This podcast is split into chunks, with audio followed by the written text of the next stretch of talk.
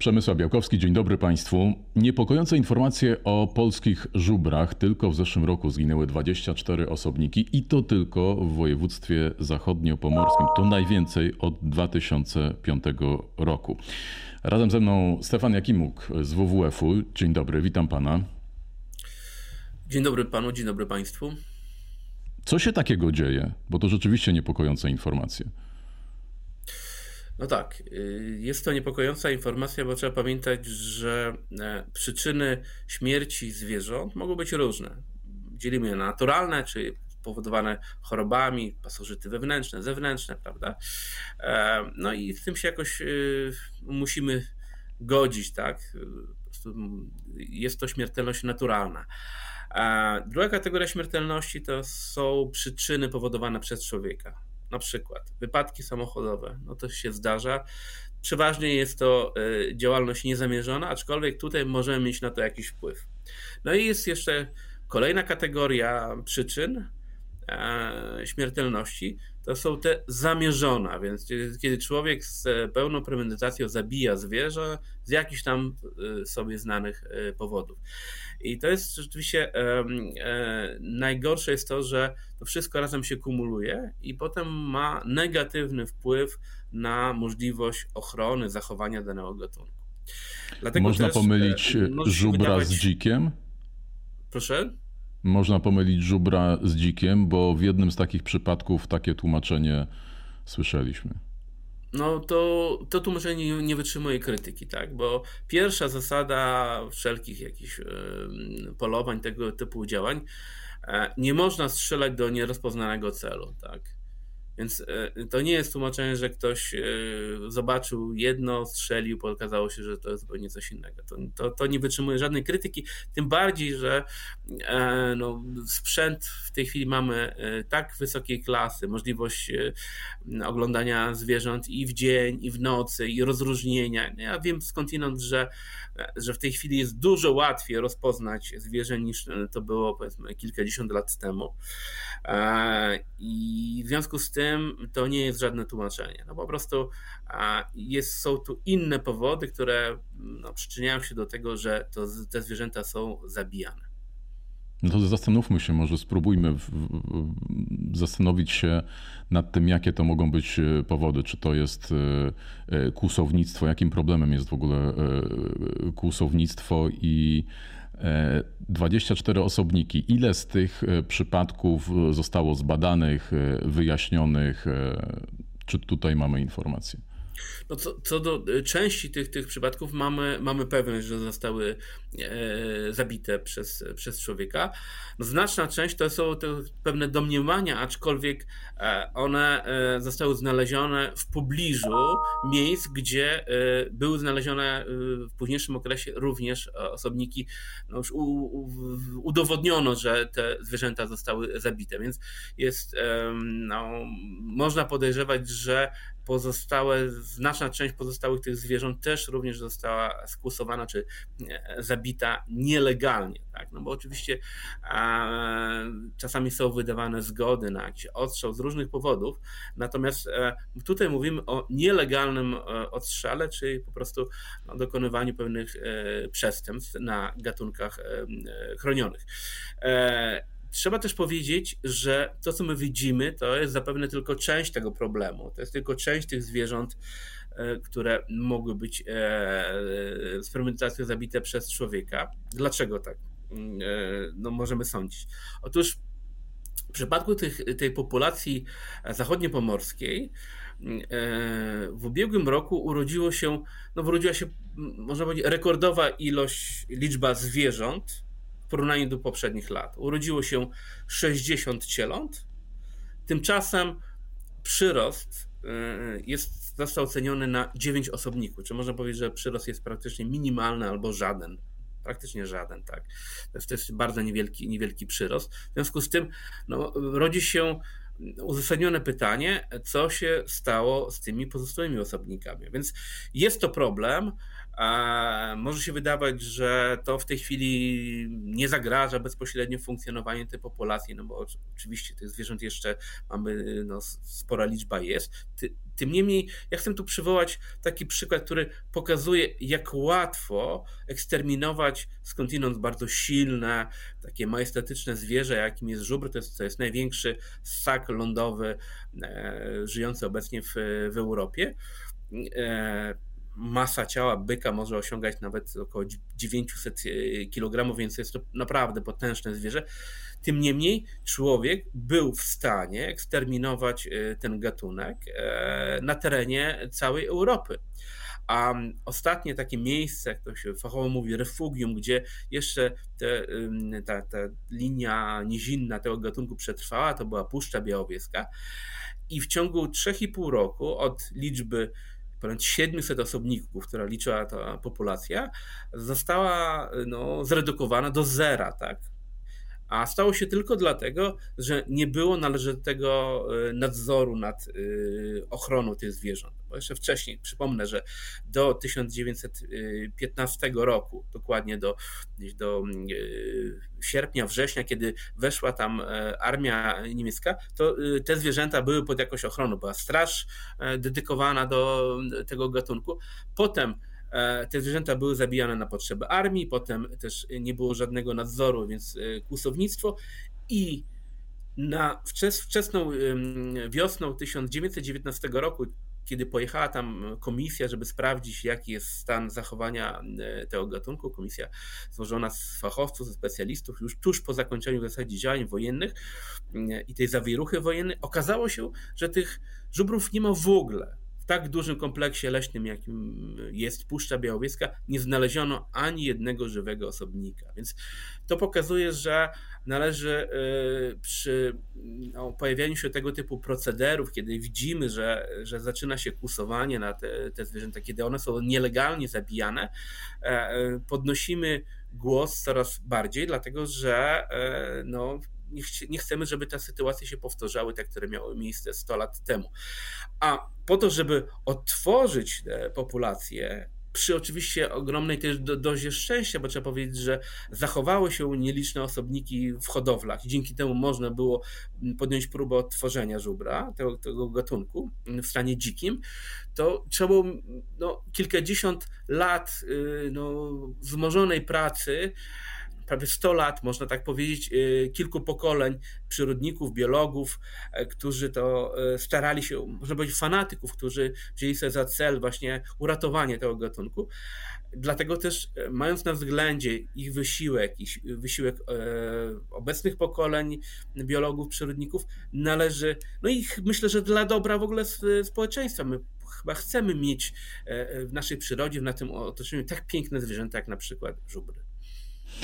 E, te czasy, które Pan wspominał, czyli e, wyzerowanie populacji żubrów i później ta restytucja, e, no teraz, teraz jesteśmy w zupełnie innym miejscu. Teraz właściwie te zwierzęta jest znacznie łatwiej przeliczyć, namierzyć. Mamy nadajniki, GPS-y, więc tutaj zakładam, że ta sytuacja jest pod kontrolą. No i właśnie wynikiem tego, te, choćby tej technologii są te te liczby, y, które, y, które podajemy.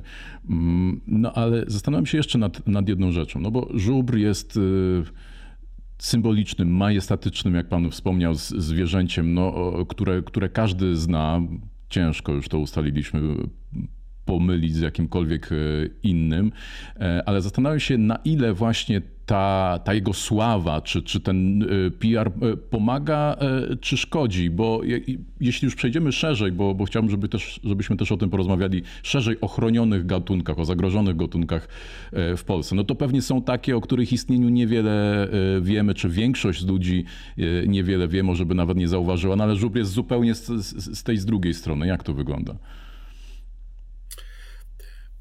To jest tak, że e, można mówić o wielu gatunkach, ale tylko niewiele gatunków e, przemawia do ludzi, tak? O takich e, gatunkach jak żubry, wilki czy rysie mówimy też, że to są gatunki parasolowe. Dlaczego? Dla, otóż ich ochrona powoduje to, że zajmujemy się, zajmujemy, się, zajmujemy się też ochroną całych ekosystemów, bo po to, żeby mm, był żubr, czy żeby był ryś, czy, czy wilk, potrzeba zachować pewnej przestrzeni przyrodniczej, w której te zwierzęta mogą się odnaleźć. Jest, jest, jest to bardzo ważne, że my nie tylko zajmujemy się tym, żeby wypuścić dane zwierzę do środowiska, ale też e, troszczymy się o to, jakim stanie jest to środowisko, troszczymy się o to, jakie są relacje między człowiekiem a e, tymi, zwierzę, e, tymi gatunkami, tymi zwierzętami.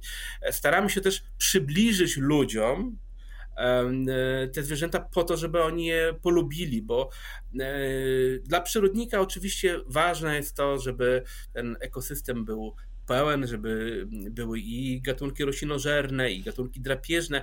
Natomiast dla e, społeczeństwa ważne jest, żeby, żeby ludzie pokochali te, te zwierzęta. I to my staramy się w ramach naszej pracy, również we współpracy z mediami, e, przybliżyć te, te zwierzęta, chociażby poprzez to, żeby informować o tym, że e, jak te zwierzęta żyją, jakie mają zachowania, w jakim środowisku się znajdują, jak się przemieszczają, na przykład jakie mają wędrówki. Są to bardzo ciekawe historie. Dzięki nowoczesnej technologii, takiej jak na przykład telemetria, my dzisiaj wiemy znacznie więcej o tym, jak zachowują się te zwierzęta. Dzięki właśnie temu, że mm, e, są obroże telemetryczne, wiemy ile jest y, tych zwierząt, no powiedzmy może co nie do, nie, nie do sztuki, ale e, znamy ich liczbę, wiemy w ilu stadach występują, tak?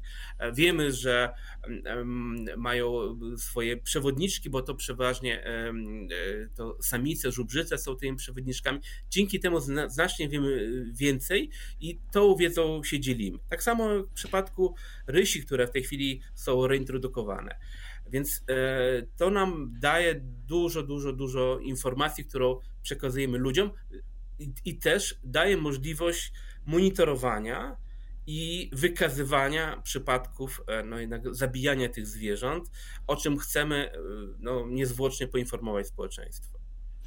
Jedna rzecz to jest to, to, to, informowanie, o którym Pan mówi, ale e, no jest jeszcze prawo, które też e, e, reguluje, jaki jest status danego gatunku. Jak to wygląda? Jakie są, czy są w ogóle jakieś stopnie ochrony? Jak można to, to wytłumaczyć, rozwinąć? Są gatunki chronione, są gatunki łowne, to, to, wiadomo, że to są te, które są przedmiotem e, polowań. My tutaj mówimy o gatunkach chronionych, tak? I to w dodatku gatunkach ściśle chronionych. Gatunki mogą być e, ściśle chronione, mogą być częściowo e, chronione. Mało tego, te gatunki mogą być, może być rekomendowana tak zwana ochrona aktywna. I to tak zarówno w przypadku żubra, rysia czy wilka, y, rekomendowana jest tutaj w zapisach prawa ochrona aktywna. Co to znaczy? Znaczy to, że y, nie wystarczy tylko no, przestrzegać przepisów, ale należy również pomagać tym zwierzętom e, żyć w tym środowisku.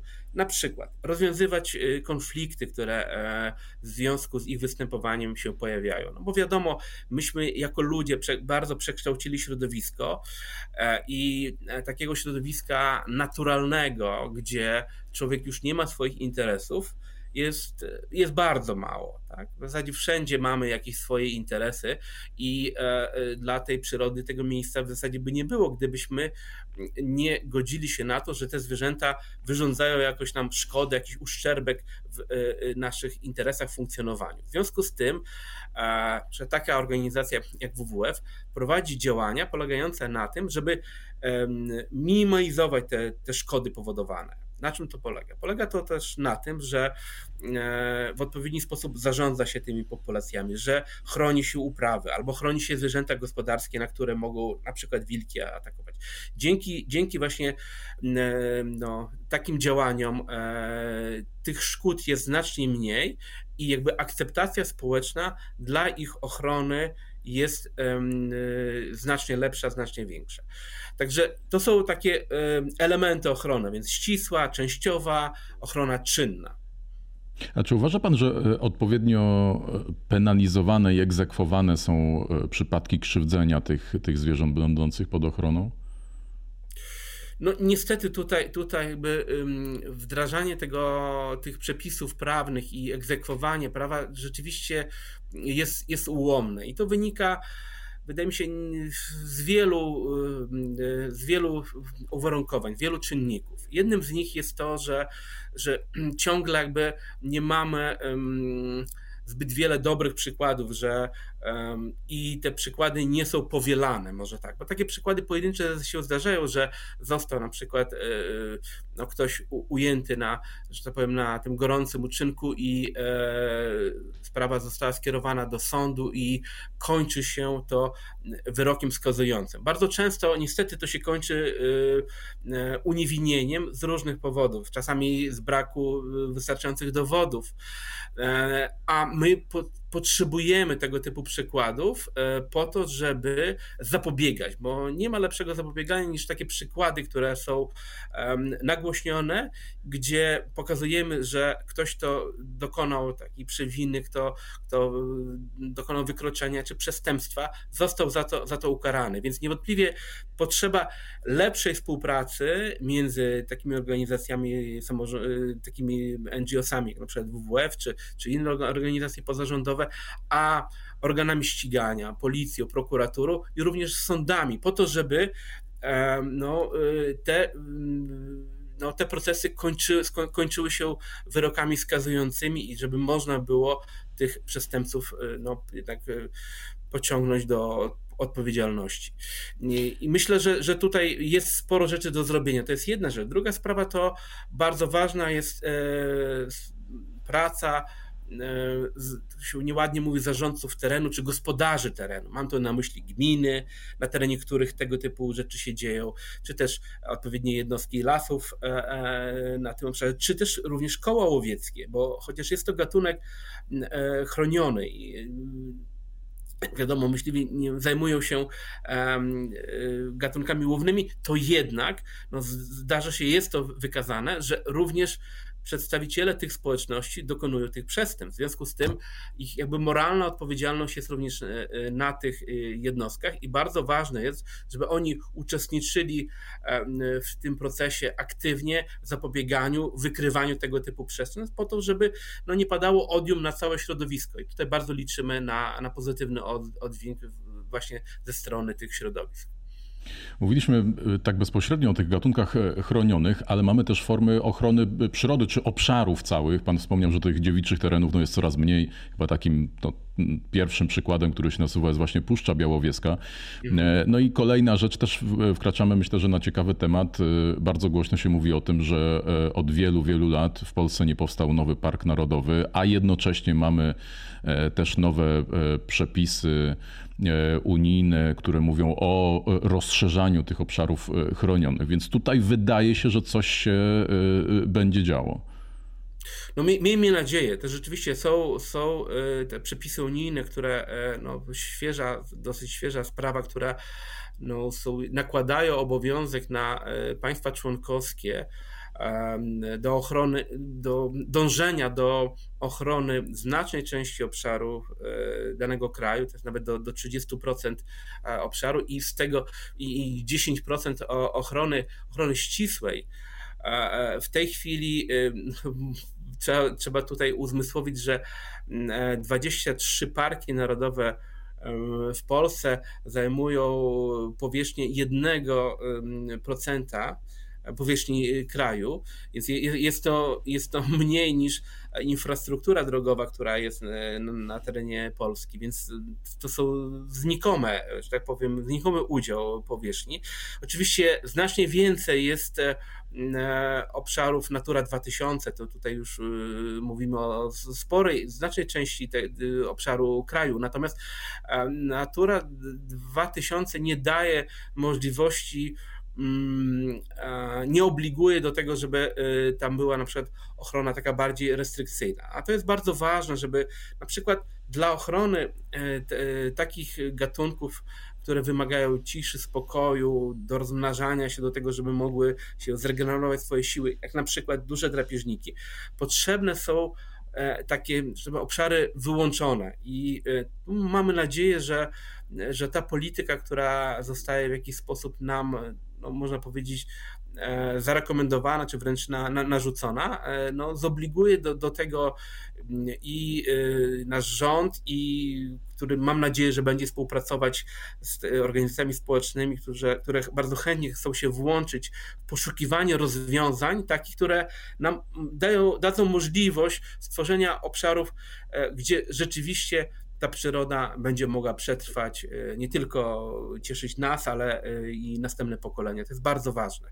Także mm, e, no, niebawem, w zasadzie za tydzień odbędzie się taka duża konferencja temu poświęcona. Będziemy na ten temat dyskutować, w jaki sposób rzeczywiście wypełnić te wymagania unijne. Więc jeszcze przypomnę, 30% ochrony i 10% ochrony ścisłej to jest, jeśli będziemy podążać tym, mm, e, tą drogą, to myślę, że jest spora szansa na stworzenie dobrego środowiska dla tak wymagających gatunków, jak chociażby e, duże drapieżniki, jak ryś, niedźwiedź.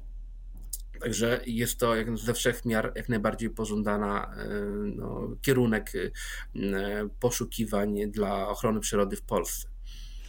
Zaczęliśmy od niepokojących informacji, ale na koniec e, trochę tych też obiecujących. E, pięknie dziękuję. Stefan Jakimiuk, e, WWF. Dziękuję bardzo za spotkanie.